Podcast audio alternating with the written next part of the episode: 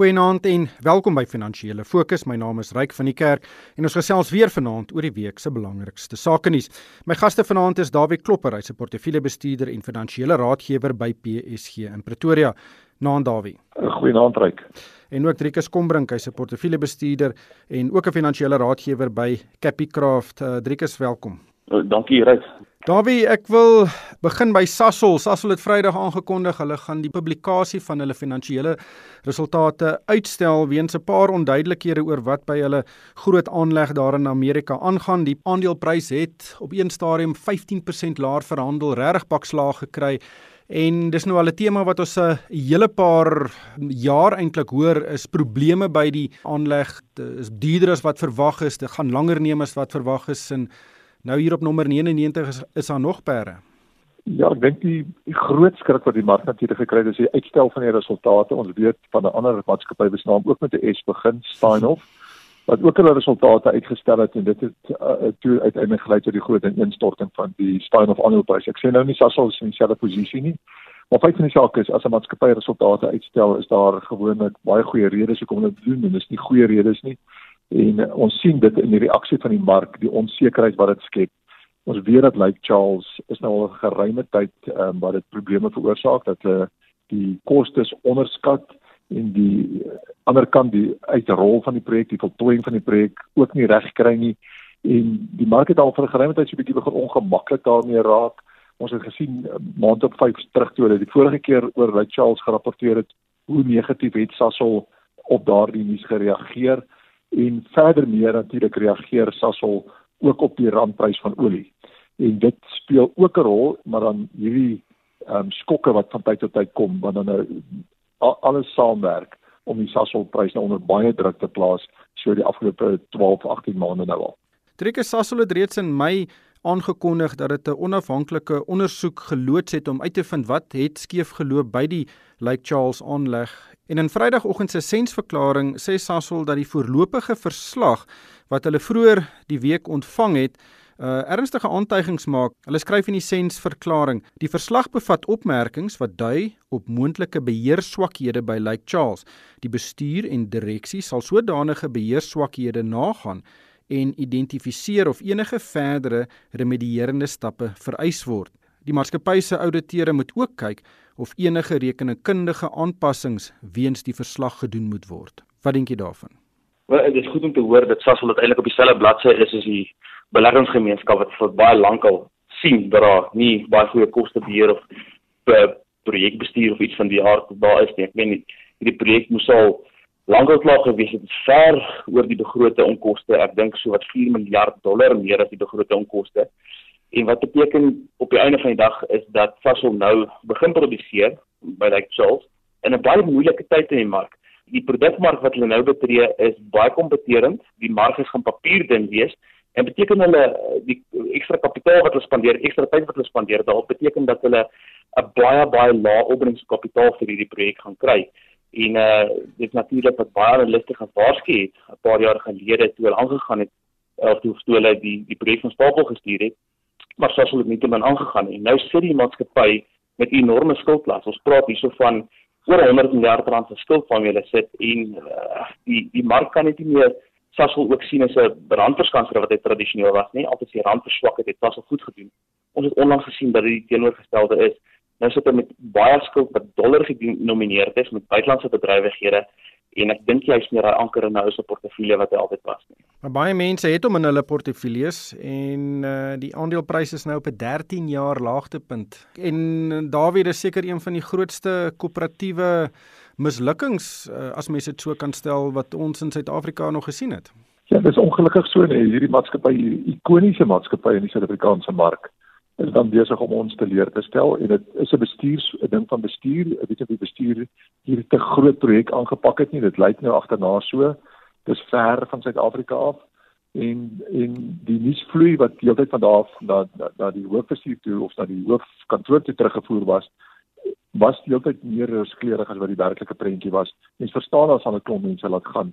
Maar die feit van die saak is net daar koöperatiewe is 'n is 'n nog 'n skandaal wat ons tref, nog nog 'n skok wat ons tref nog een van hierdie vele landmyne wat hierdie jaar die Suid-Afrikaanse aandelebeurs onder baie druk plaas en die premie wat Suid-Afrikaanse maatskappye gehad het as goeie bestuur vir vir vir goeie bestuur ons het 'n premie gekry uit die internasionale gemeenskap uit op ons aandele is besig om uitgebus te word met al hierdie koöperatiewe skandale wat ons nou tref. Ja, dis nie net die konstruksie van Modupi en Kusile wat sukkel nie. Hier het ons eintlik 'n groot internasionale maatskappy wat eintlik in dieselfde bootjie is. Madrikus, ons bly by Amerika. Ehm um, ons het nou hierdie week ook gesien dat daar 'n omgekeerde opbrengskurwe plaasgevind het en dit is waar opbrengskoerse van korttermyn effekte hoër is as langtermyn koerse. Nou ek wil nie te tegnies raak nie, maar dit wys dalk daarop dat Amerika dalk binnekort 'n resessie kan beleef.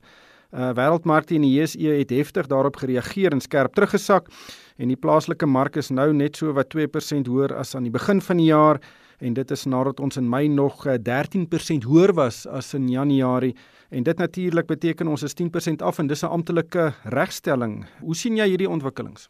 Die inverse opbrengskurwe Eh, is nie geld nie net so wat hy die verlede dalk maar gedoen het as 'n paar dinge wat anders is gewoonlik uh, is dit 'n inverse kurwe as inflasie aan die styg is wat dit nie op die oomblik is nie. Uh, die absolute vlak van die kurwe is ook baie laag en hierdie indikator het nie regtig baie goeie aanduidingskrag uh, of vooruitskattingskrag buite kan die FSA nie. Uh, vir meeste van die 90s was die Verenigde Koninkryke se opbrengskurwe uh, invers gewees omgekeerd gewees. En is omdat hulle pensioenfonde genoop was om langer termyn koerse te, te koop. En nou kan amper sê dat die eh, die die omskrewe voordeel pensioenfonde wat daar is in die wêreld op hierdie oomblik is ook genoop om tot 'n groot mate Amerikaanse langtermyn staatsefekte te koop aan die res van die wêreld en is negatief. So ek weet nie hoe hoe sterk daai aanduiding hierdie keer gaan geld om 'n resessie vooruit te stel nie, maar die wêreldekonomie is pap op hierdie stadium, maar dit is pap op sekere plekke. Dis eh, dit is 'n pad daar waar vervaardiging uh, 'n uh, groot rol speel soos in die ooste. Uh in die FSA of uh, in die weste sien ons dat die PMI vervaardigingssyfers baie sterk is, maar die dienste ekonomie nog baie sterk is. Die verbruikers spandeer nog uh, in meeste van die wêreld nie net in die FSA nie. So dit lyk my soos 'n verbruiksresessie of 'n nie verbruiksresessie, dis 'n vervaardigingsresessie. Soortgelyk was in 2015 gehad het dalk 'n bietjie dieper, maar omdat ons nie groot opbou van verbruiksbesteding gehad het en kredietverlening gehad het voor hierdie veral in die verbruikerskant nie en die banke baie gesond is in die FSA ten minste, kan nie selfs in Europa nie. Lyk dit asof die asof die resessie of spreuke van 'n resessie nog net wil wolf is. Dit is uh, ek dink hulle hardloop die die narratief 'n bietjie vooruit. Dawie, die uh, omgekeerde opbrengskurwe het al ek dink 7 keer suksesvol gewys uh, of 'n uh, resessie vooraf gegaan. Uh, stem jy saam met Driekus? Ek um, is ek is dis 'n interessante Driekus argument te hoor ek stem eintlik nie met hom saam nie um, in die sin van dat hierdie ding kan baie maklik selfvervullend wees. Daai statistiek wat jy nou aangehaal het, die afgelope 7 keer was hierdie indikator korrek om die, uh, die resessie te voorspel. En onthou die resessie volg nie onmiddellik nie. Dit volg net hier tussen 9 en 18 maande later. So die mark is baie meer ingestel hierop dat hierdie indikator iets dui wat hier kan iets gebeur. So sê dan word dit baie keer selfvervullend.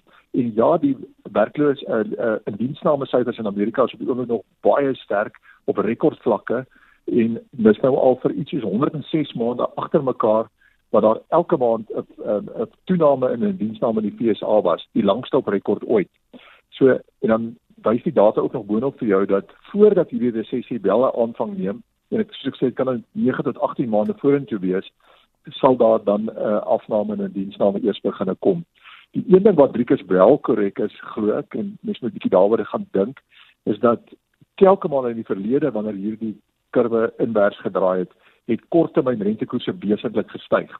So hierdie ronde het korttermyn rentekoerse alreeds verlede jaar begin styg en nou word dit afgebring en Trump president Trump is al besig om verder druk op uh, Jerome Powell die Federale Reserve Raad se president te plaas om koerse verder te verlaag. Bietjie proaktief meer hierdie keer. So gaan hulle dit regkry om die resessie te keer. Dalk is dit net 'n uh, 'n dieperige verlangsaming, baie stadige groei vir 'n oomblik. So dit hoef nie noodwendig weer hierdie keer dieselfde te wees nie, maar mens moet bewus wees hiervan. Die markte is verseker bewus hiervan en reageer daarop. Mens sou ook kon vra wat is die effek van tegnologiese ontwikkeling hierdie rondte teenoor vorige kere wat wat hierdie ehm um, inverse ehm um, kurwe plaasgevind het. Tegnologie, die impak daarvan op inflasie speel 'n wesentlike rol om inflasie onder beheer te hou in die wêreld. Maar die ander ding wat dan terselfdertyd gebeur hiervan is dat rentekoerse in groot dele van die wêreld is besig om negatief te raak, met ander woorde minder as 0 te raak. En betaal die banke jou amper as te bare om te leen. Dit is ongehoord. En ons moet dit ook 'n bietjie oordink. Wat is wat is dit besig om vir ons te sê? Is dit besig om te sien dat hier ehm um, iets anders te fout is in die wêreld? Is hier deflasie en as dit oor 'n breë front plaasvind, dan dink ek moet ons dalk op 'n ander manier begin dink oor wat is aan die gebeur in die wêreld. Maar Dawie, wat hou dit vir ons hier in Suid-Afrika in? Neem aan die risiko van die JSE is eerder afwaarts as opwaarts. Dit is so, maar dan moet mens ook dalk sê dat ehm um, ekonomie wat in die ekonomie gebeur nie noodwendig die markte voorspel nie. Ja, natuurlik het ons maatskappy winsgroei nodig en jy kan net maatskappy winsgroei kry in 'n sterk ekonomie om die mark vorentoe te vat. Feit van die saak is dat die Suid-Afrikaanse beurs is goedkoop op die oomblik. Ons prys baie baie negativiteit in. Daar's ehm um, ons pryse voortsetting van die negatiewe nuus van die afgelope jaar of 2, 5, 10 jaar al nou al in. En terwyl oor see natuurlik prys ons voortgesette goeie nuus in. So daai twee goed moet mens teenoor mekaar stel en die Suid-Afrikaanse beurs sal dalk sukkel om te styg in 'n omgewing waar die oorsee se ontwikkelde wêreld swaar kry. Maar Suid-Afrika is reeds goedkoop. En as ons beurs hiervan af verder val, gaan ons net nog goedkoper word as ons wel 'n investering in die land in die gang kry. En dit kan net kom as vertroue herstel word. So dis 'n ding so 'n bietjie in isolasie van wat in die res van die wêreld aan die gebeur is kan gebeur. Ons kan vertroue op 'n manier herstel, byvoorbeeld met 'n goeie aanstelling by Eskom en kan vertroue tog op 'n manier bietjie herstel word en kan ons mark sien dat van hierdie geweldige klomp kontant wat by maatskappye opgehoop het, wel geïnvesteer word en in die ekonomie losgelaat word. Trekkers, hoe sien jy dit? Ek dink ons beurs is goedkoop uh oor die algemeen en vergelyk met waar staatseffiek koerse staan. So in in 'n bietjie meer wetenskaplik raak praat jy van 'n ekwiteitsrisiko premie. Met ander woorde, wat is die premie wat jy gaan ontvang uh, bokant staatseffiek koerse sou jy aandele op hierdie vlakke koop. En na, dan as jy dit vergelyk met die FSA dan is ons beurs eintlik beter as die FSA se is omdat hulle rentekoerse so laag is. So in vergelyking met hulle rentekoerse prys die FSA al alreeds 'n ligte resessie in. So as hulle 'n resessie kry, jy weet die uh, die ligte tipe of die gewone tipe nie 'n uh, uh, kredietkrisis tipe soos ons in 2007 2008 gehad het nie.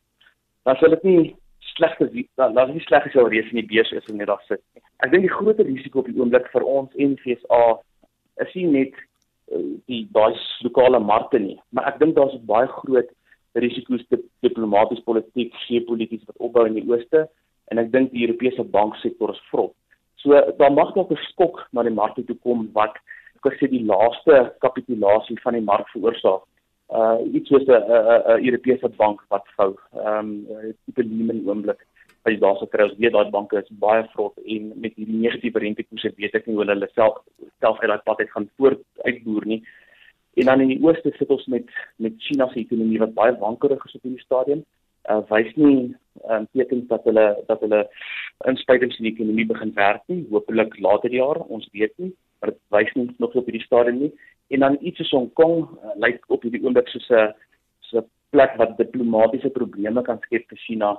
Ehm um, dit saam met die handelsoorlog en dis meer dit dit, lyk net soos 'n situasie wat soos 'n kruitvat wat wat kan ontplof en dit kan veroorsaak dat daar 'n groot afkoop op die mark kom, maar soos ek reeds gesê het, ek dink nie dit gaan dit gaan die FSA ekonomie se groot raak nie. Hulle is die mees geslote groot ekonomie in die wêreld. Maar niemand is ongelukkig heeltemal immuun teen dit. Ja, ek luister na wat jy daar sê en al die risiko's wat jy daar noem en dit lyk asof hier dalk 'n perfekte storm kan ontwikkel eh, wat dalk weier kan strek as net een bank in Europa wat vou. Wat moet 'n belegger nou doen? Mens met 'n gediversifiseerde oplossing nastreef op hierdie stadium. Ja, nee, ek dink ek dink dit sou op neerkom as jy nie bereid is om deur 'n uh, periode te sit waar die mark of niks doen nie of baie swaar trek of val nie Ehm um, dan is jou plan of jou beleggingsplan of portefeulje waarskynlik nie reg saamgestel. Dit is die prys wat jy betaal om langer termyn goeie opbrengs te kry. Jy moet baie keer met 'n bloedneus kan wegstap na die mark 'n baie moeilike jaar gehad het. Dit het 'n moeilike 3 jaar, 4 jaar gehad het wat ons beurs gehad het. Ehm um, jy moet baie keer van 'n vaar in 'n portefeulje konteks, alles in 'n portefeulje, dit al die silinders nie op een slag gaan vuur nie.